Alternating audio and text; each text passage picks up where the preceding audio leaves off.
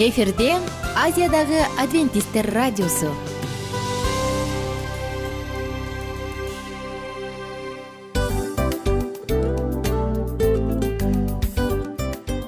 Достор салют. Баардык сүйүктүү угармандарыбызга салам айтабыз. Кутман күнүңүздөр менен.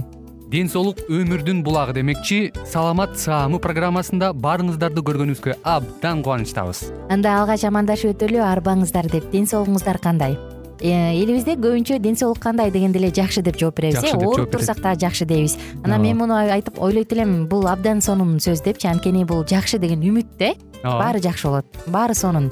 Деп үмүттөнүп атып эле өзүбүздү өзүбүз дарылап коебуз. Анысы кандай? Сиздин дагы ден соолугуңуз жакшы беш деген үмүттөбүз чындыгында ден соолук бул өмүрдүн булагы деп бекеринен айтылган эмес деп ойлойм. Кыргыз элинде анткени эгерде ден соолук жок болсо анда адамдын жашоосунда калган баардык керектүү маңыздуу нерселер өзүнүн баалуулугун жоготуп коет. Ошондуктан ден соолук бул эң керектүү нерсе. Ооба туура айтасың кесиптешим. Чынында ден соолугуң жок бир эки үч күн ооруп калсаң эле э кандай болуп калат? Жашоодо көз каранды болуп каласың көп нерсеге жетишпей каласың көп нерсени кыла албай каласың жада калса эшикке дүкөнгө да чыга албай каласың. Туптуура анан ден соолук болсо демек биз биздин бактыбыз тотой деп койсок болот. Анда достор саламат саамы рубрикабызды баштайлы. Алдыда өзүңүзгө керектүү болгон сонун кеңештерди уга аласыздар. Мына ошондуктан биз менен бирге болуңуздар. Ал эми биз болсо милан жана айнура. Кеттик алга. Алга саламат саама ден соолуктун жарчысы. Саламат саама ден соолуктун ачкычы. Күн сайын сиз үчүн мыкты кеңештер сонун жаңылыктар кызыктуу фактылар биздин рубрикада.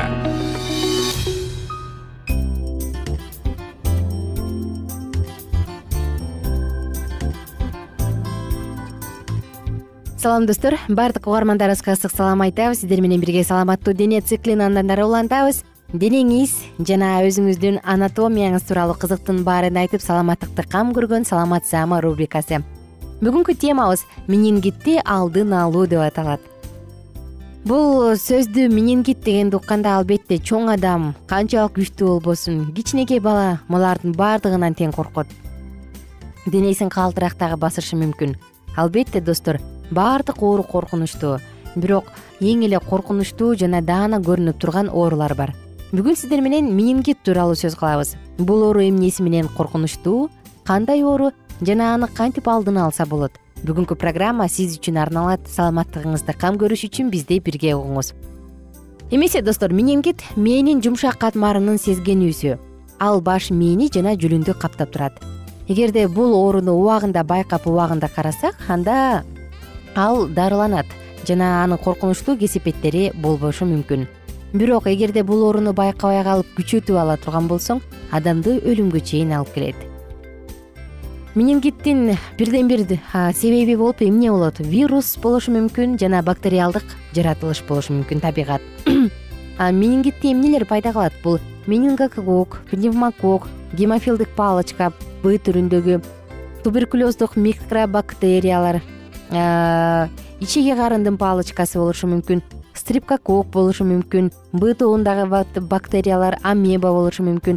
Ал эми балдарда өзгөчө кичинекей балдарда менингиттин пайда болушу ал көп учурда энтеровирус болот. Эх достор менингит жукпайт. Ой бул мындай оору деп эгер эсептеп келген болсоңуз анда жаңылышасыз. Менингит көп учурда аба аркылуу жугат.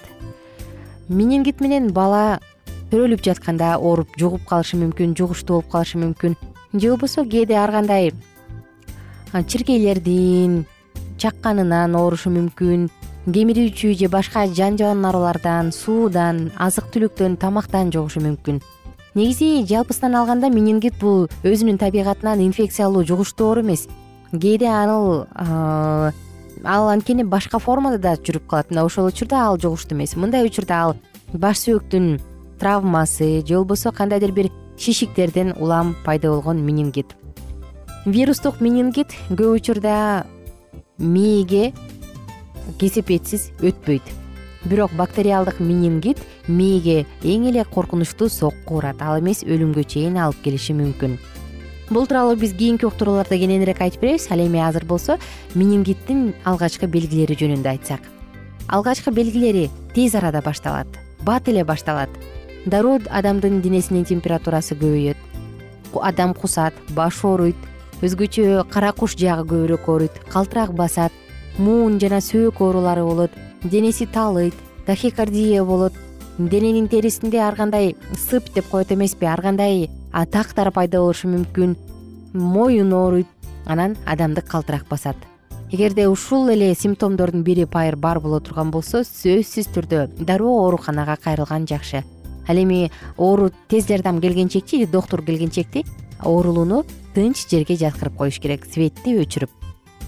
Достор жогорудагы симптомдор бар боло турган болсо адамды больницага жаткырабыз десе жок өзүмдү жакшы сезип калдым жатпайм дебеңиз. Сөзсүз түрдө жатыш керек. Анткени ал коркунучтуу эгерде менингит күчөп кете турган болсо анын аягы өлүмгө чейин жеткирет.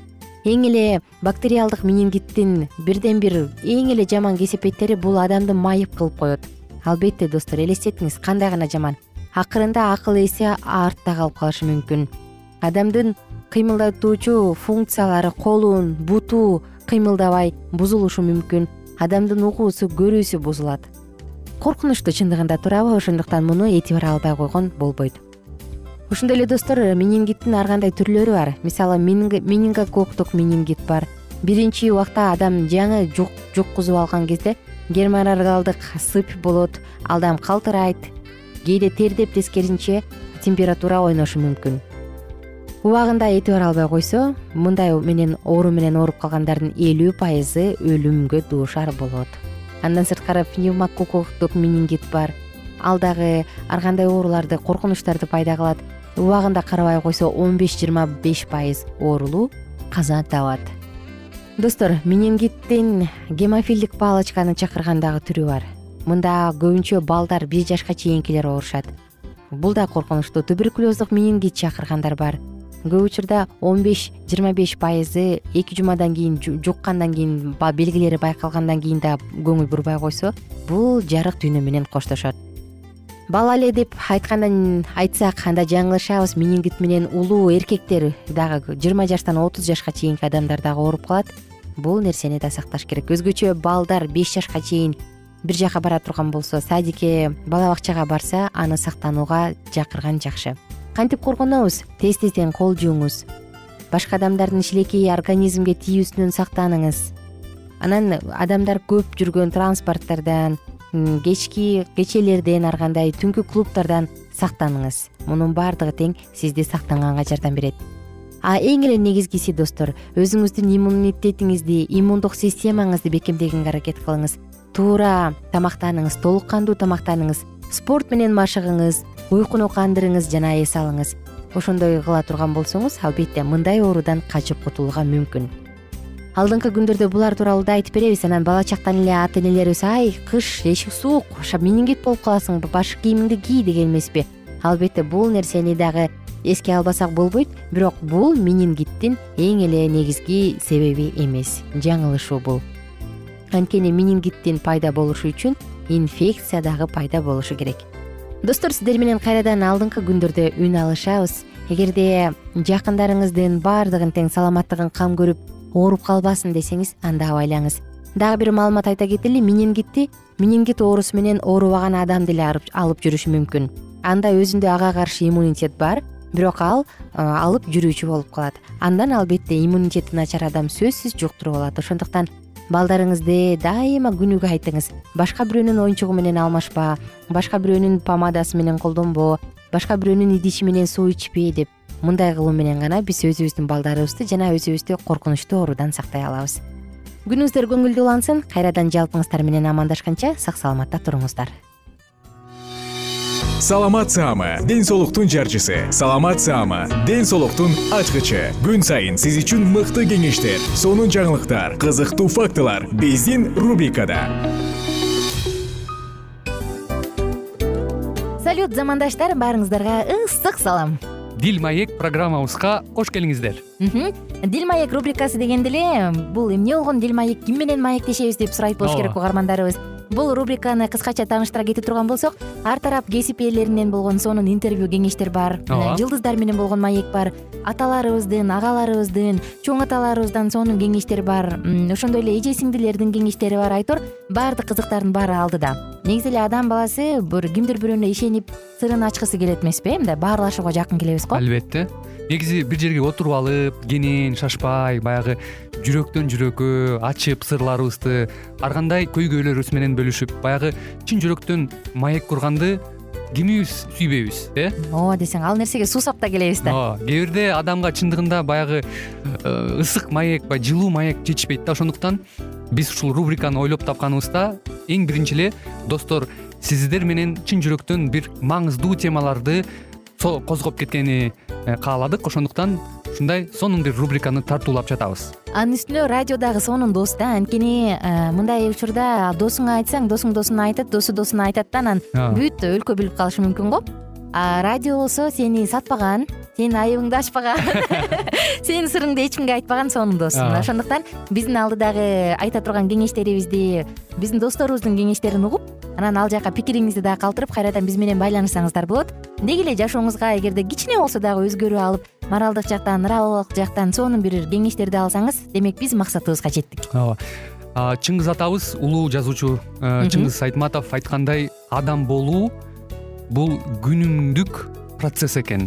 Күн сайын адам бойдон калуу бул адамзатка эң эле кыйын дейт э? э эң кыйын дейт. Чындыгында бунун негизинде адамдын эң баягы сапаттуулугу адамдын э, адамгерчилиги жана көптөгөн керектүү нерселер. Мына ошол темалар дагы бизде э, ушул дил маекте биз аларды да козгойбуз. Ден соолук жөнүндө да сүйлөшөбүз. Сөзсүз түрдө анан милан мырза негизи айтып коюшат го. Биз көбүнчө эмнени ойлонсок? Ошол нерсеге карата иш кылабыз го. Ооба. Анан анысы кандай? Балким бул радио баракчада кимдир бирөөнүн оюн текшергенге жардам берет кимдир бирөөнүн жүрөгүн текшергенге жардам берет. Балким кимдир бирөөгө жашоонун маңызын тапканга жардам берет айтор кызыктын баары алдыда бул жөн гана кыскача жарнама анда угармандарыбыздын баардыгын кийинки рубрикабызга чакырабыз. Ал эми кызматта маңдайымда отурган кесиптешим милан жана мен айнура. Анда эмесе биз даярдаган терең терең ойлор менен таанышууга кеттик. Алыс алыс баралык. Анда эмесе достор биз менен бирге болуңуздар. Алдыда эң кызыктуу маалыматтардын баардыгы бир нече мүнөттөр бою жалгыз гана сизге арналат. Мына ошондуктан жакшы маанай менен угууну каалайбыз. Үн алышканча. Жөнөдүк. Ар түрдүү ардактуу кесип ээлеринен алтын сөздөр жүрөк ачышкан сыр чачышкан сонун маек дил маек рубрикасында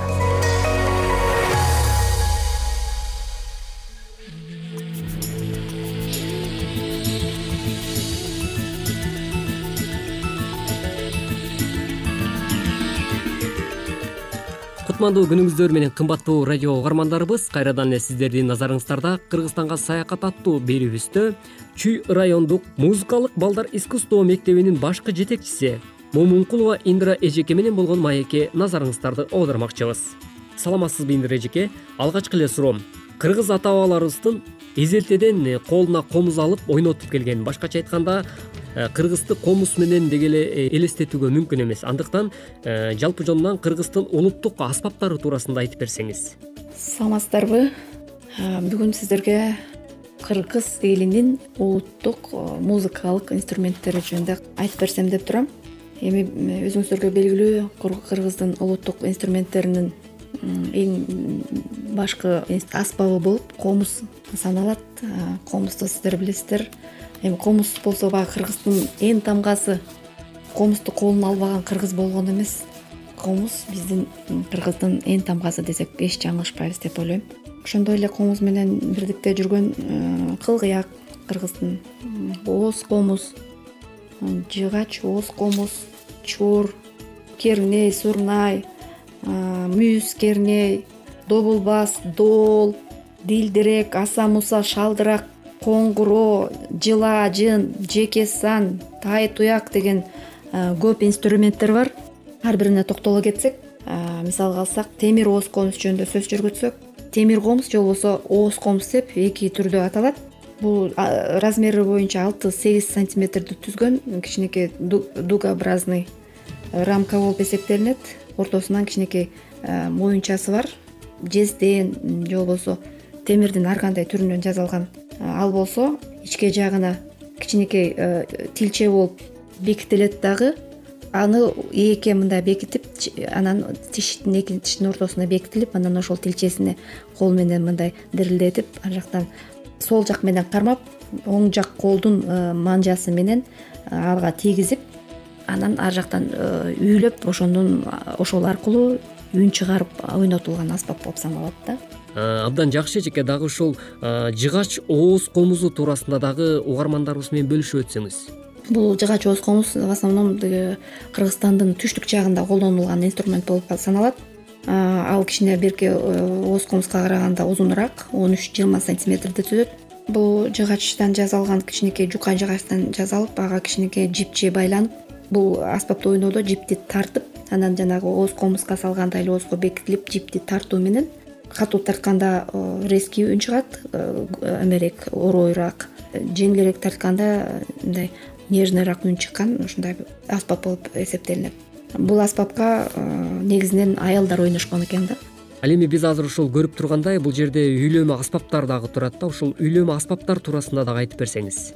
Ошондой эле үйлөмө аспаптарына токтолсок бул э, чоор болсо бул кыргыздын эң илгерки эски аспаптарынын бири болуп саналат.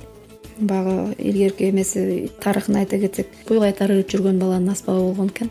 Камыштан жыртыкчаларды пайда кылып мынтип улам бир жыртыкчаны басып чыгарып үйлөп көрүп ойноп атып анан ошондон ушул чоор аспабы пайда болуптур да. Баягы улам ар кайсы жерин басып үйлөсө башкача үн чыгып улам экинчисин басса дагы башка үн чыгып отуруп анан ошол малчы баланын инструменти болуп калган да.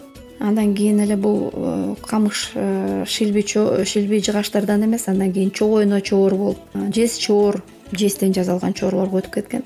Кыргыз чоору узундугу кырк жүз сантиметрди түзгөн ал эми диаметри бир жарым үч сантиметрдей болгон үйлөмө аспап болгон анан боорунда тешикчелери бар да чоорду илгери бир миң сегиз жүз жыйырма алтынчы бир миң тогуз жүз жетинчи жылга чейин жана жашап өтүп кеткен мураталы күрөңкеев атабыз ушул комуз менен чоорго экөөнү аябай жакшы ойногон экен. Ушул кишинин аспабы десек дагы болот да. В основном бул ушу бул аспапта эркек кишилер ойночу экен да. Э, ошондой эле чоордун дагы бир түрү чопо чоор. Бул чопо чоордун өзү айтып тургандай бул чоор чоподон жасалган илгерки биздин элдик аспаптар болуп эсептелинет. Тешикчелер болуп бийиктиги беш беш жарым сантиметр ойной турган тешикчелер бар да. Негизи бул биринчи октавада ойноло турган звук бере турган инструмент. Чынында эле эң сонун ал эми бул жерде дагы бир аспап турат. Бул ушул мен жаңылышпасам бул сыбызгы окшойт да. Бул сыбызгы туурасында дагы айтып өтсөңүз. Бул өзү сыбызгы деген сөз мурунку өзү айтып тургандай жана сыбызгы ышкырык деген сөздөн келип чыккан бул өрүктөн жасалган ар кандай ушул жыгачтардан жасалган андан кийин жез жезнай деп коюшкан жезден жасашып жезнай деген дагы ат менен да чыгып калган. Бул жерден азыр дагы сурнайды дагы көрүүгө болот экен. Биздин ата бабаларыбыз ушул сурнайды дагы колдонуп келишкенби. Деги эле сурнай туурасында дагы маалымат берип өтсөңүз. Сурнай эми бул болсо жыгачтан дагы жезден да жасалган бул сурнайдын узундугу кырк сантиметрден алтымыш беш сантиметрге чейин жети сегиз э, боорунда ойной турган тешикчелери бар. Өзгөчөлүгү. Бул жанагы илгери жана манап бийлердин ар кандай э, иш чараларында же жанагы спорттук мелдеш конкурстар болуп аткан кездерде манап келатат же дагы бир бирдеме той болгон атат же бир жака барабыз чабуулга барабыз дегенде элди чогултуу үчүн мындай үнү катуураак чыгып көпчүлүк үчүн ойноло турган инструмент болуп эсептелинет да эми мен ушул сөзүмдүн аягында ушу кыргыз элине ушу өсүп келе жаткан жаңы муун эмнеден ушу кыргыздын ушундай жакшынакай э, аспаптары бар өзүбүз кыргыз инсаны болгондон кийин ошо кыргыздын илгерки атадан калган мурастарын мындан ары окуп үйрөнүп дагы кийинки муунга бергенге аракет кылышыбыз керек чоң рахмат индира эжеке алтында болгон убактыңызды атайын. Биздин угармандарга арнап бизге дагы ушул ата бабаларыбыздын улуттук аспаптары туурасында кененирээк маалымат бергениңиз үчүн сизге да ыраазычылык билгизебиз. Мындан аркы иштериңиздерге дагы албан албан ийгиликтерди каалайбыз. Ал эми кымбаттуу радио угармандарыбыз бизге бөлүнгөн убактыбыз дагы өз соңуна келип жетип калды ал эми бүгүнкү уктуруубузга назар салганыңыздар үчүн чоң рахмат. Бүгүнкү кыргызстанга саякат аттуу программабыздын чыгарылышында биз сиздер менен кыргыздын улуттук аспаптары туурасындагы маекке орток болдуңуздар. Кайрадан эле биз сиздер менен дал ушул аба толкундан үн алышканча улан кубанычбеков сиздер менен коштошот. Эмки берүүдөн дал ушул ободон үн алышканча сак саламатта болуңуз ар түрдүү ардактуу кесип ээлеринен. Алтын сөздөр жүрөк ачышкан сыр чачышкан сонун маек. Дил маек рубрикасында.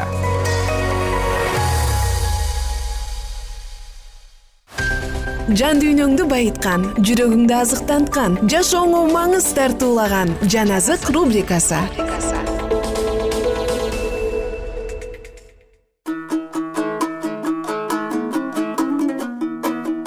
кутмандуу куш убак күнүңүздөр менен баардык угармандар сиздер менен бирге кайрадан мен жана бүгүн улуу күрөш китебин андан ары улантабыз.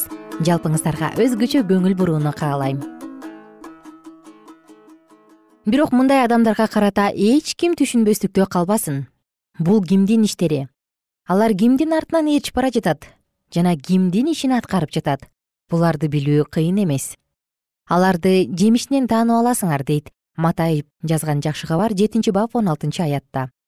Алар мыкаачы өлтүрүүчү жана бир туугандарын айыптаган шайтанга окшошуп калышат.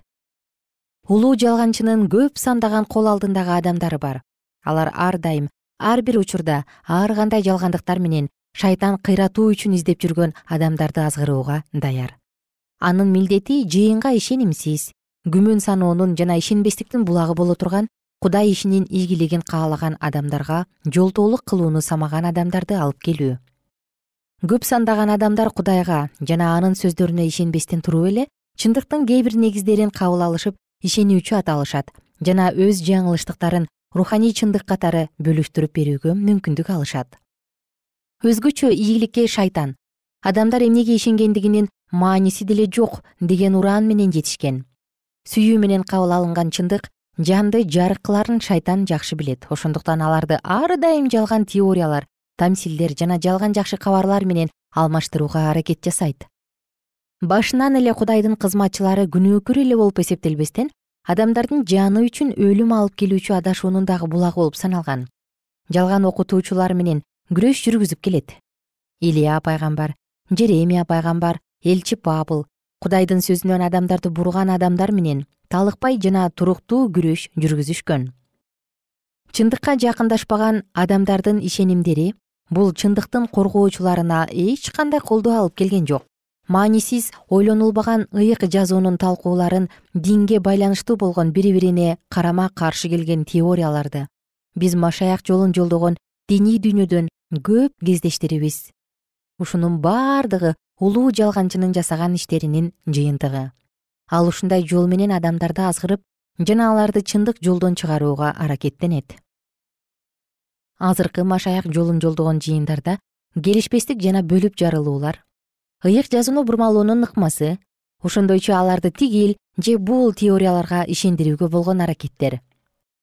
Ыйык жазууну терең изилденүүнүн анын эркин билүүгө аракет жасоонун ордуна көпчүлүк адамдар кандайдыр бир болуп көрбөгөндөй жана жаңы бир нерселерди издешет жалган окутууларды жана үрп адаттарды колдош үчүн жана өз ойлорун далилдеш максатында ыйык жазуунун бир жеринен үзүндү алышып кээде бир гана аят алынып талкууланат.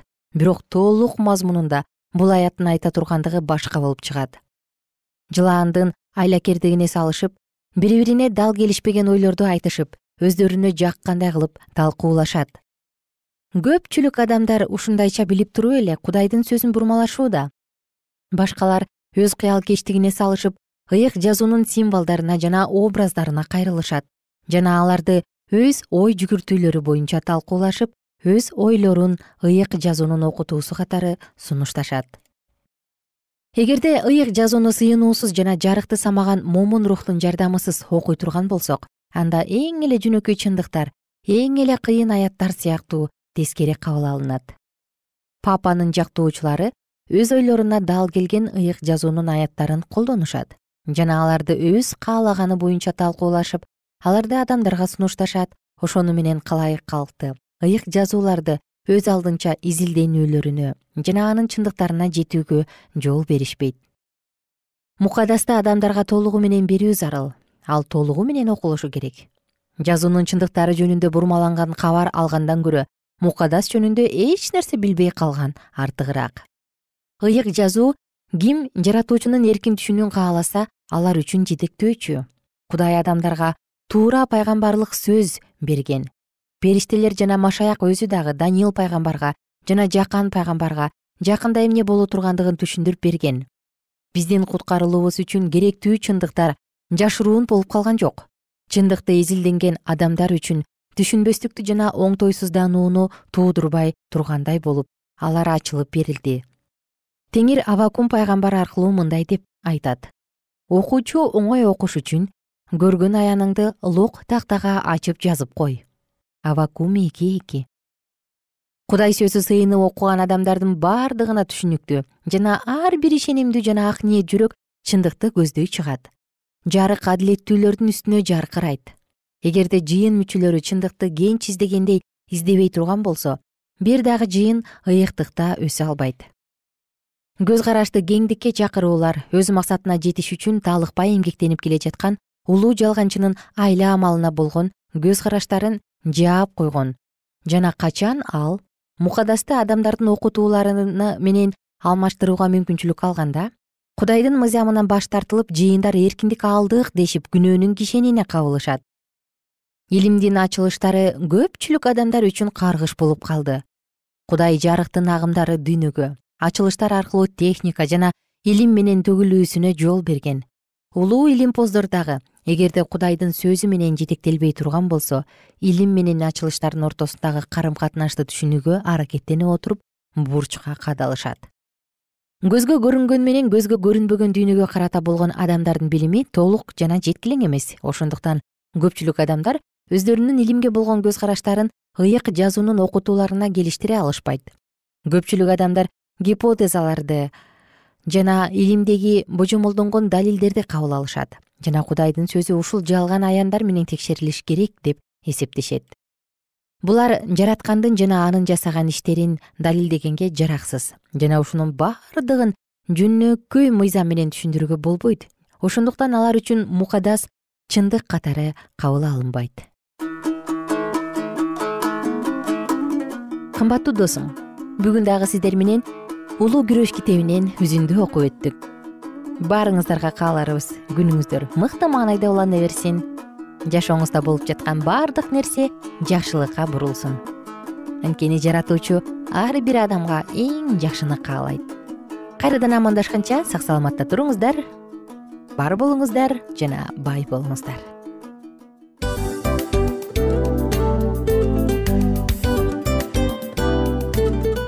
мына ушинтип убакыт дагы тез өтүп кетет экен. Биз дагы радио уктуруубуздун аягына келип жеттик. Келип кубандырдыңар эми кетип кубандыргыла деп тамашалап калышат эмеспи? Анысы кандай? Радио баракчабызды программабызды азыр эле баштап аткандай болдук элек. Мына соңуна келдик э? Негизи убакыт э, билинбей өтүп кетет экен? Мен дагы убакыт дегенде бүгүн бир адам менен сүйлөшүп калдым. Анан убакыт бул мүмкүнчүлүк деп айтып өзүмө өзүм айтып алып анан мага өзүмө эле кайра ачылыш болду да чын эле э Э, карап отурсаң ошол эле жыйырма төрт саат ошол эле жарым саат кайталанып атат бирок сендеги мүмкүнчүлүк жок ошол кой берилип кетти? Анысы кандай? Бүгүнкү сонун убактыңызды алтындай болгон жарым саатыңызды бизге бөлүп арнаганыңыз үчүн ыраазычылык айтабыз. Анан жашооңуздун кайсы бир сферасын өзгөртө турган сонун пайдалуу кеңеш алган болсоңуз анда биз максатыбызга жеттик. Анан ушул нерсени кылбасам десеңиз ошол өзгөрүүлөрдү кичинекей кадамдардан баштап иш жүзүнө ашырыңыз дагы жашооңузда чоң чоң ийгиликтерге жетиңиздер. Чын жүрөктөн ар бир берилген кеңештер сөздөр сиздерге пайдасын алып келет деп ишенебиз. Жана кийинки уктурууларда сөзсүз түрдө чыдамсыздык менен сиздерди күтөбүз. Сагынычтуу салам айтып кайрадан дал ушул жыштыктан баардыгыңыздарды тосуп алганча кызматта мен айнура жана кесиптешим милан. Анда кол булгалайбыз жалпыңыздарга ийгиликтүү күн. Саламатта калыңыздар